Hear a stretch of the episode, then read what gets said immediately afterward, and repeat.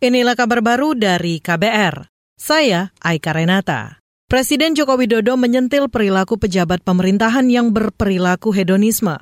Itu disampaikan Jokowi saat membuka sidang Kabinet Paripurna Istana Negara hari ini.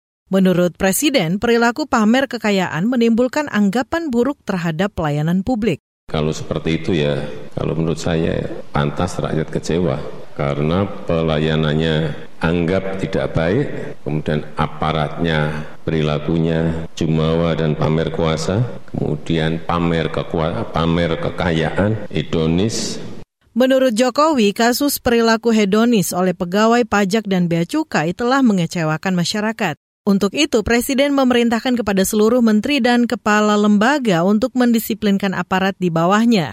Instruksi yang sama juga untuk aparat penegak hukum.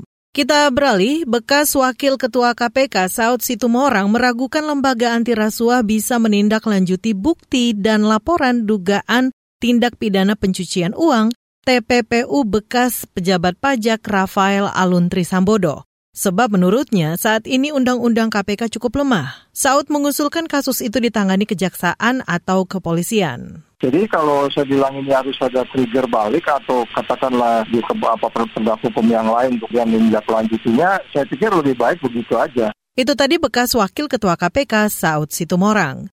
Kemarin, Rafael Alun Trisambodo sudah diperiksa KPK. Wakil Ketua KPK Nawawi Pomolango mengaku tak bisa langsung menindak pejabat Rafael. Itu karena Indonesia belum mengadopsi konsep illicit enrichment. Illicit enrichment ialah aturan yang bisa memidanakan pejabat publik yang memiliki kekayaan tidak wajar. Satu informasi lainnya, saudara, keluarga sembilan korban tewas tertembak dan korban luka saat rusuh di Wamena, Jayawijaya, Papua Pegunungan menuntut para pelaku penembakan diungkap dan diproses hukum. Salah satu keluarga korban, Namantus Gwijangge, mengatakan mereka juga sepakat para pelaku dikenakan sanksi adat, yakni pembayaran 5 miliar untuk setiap korban tewas 1 miliar untuk setiap korban luka dan 30 ekor babi. Menurut pandangan kami para pelakunya diproses hukum. Korban perlu lakukan penyelesaian adat sehingga masalah tuntas. Jadi dua tahapan ini perlu jalan. Penyelesaian adat harus dilakukan, tetapi juga para pelaku harus diproses hukum. Korbannya ada orang asli Papua dan ada non Papua, sehingga semua korban itu mereka harus dapat keadilan yang sama.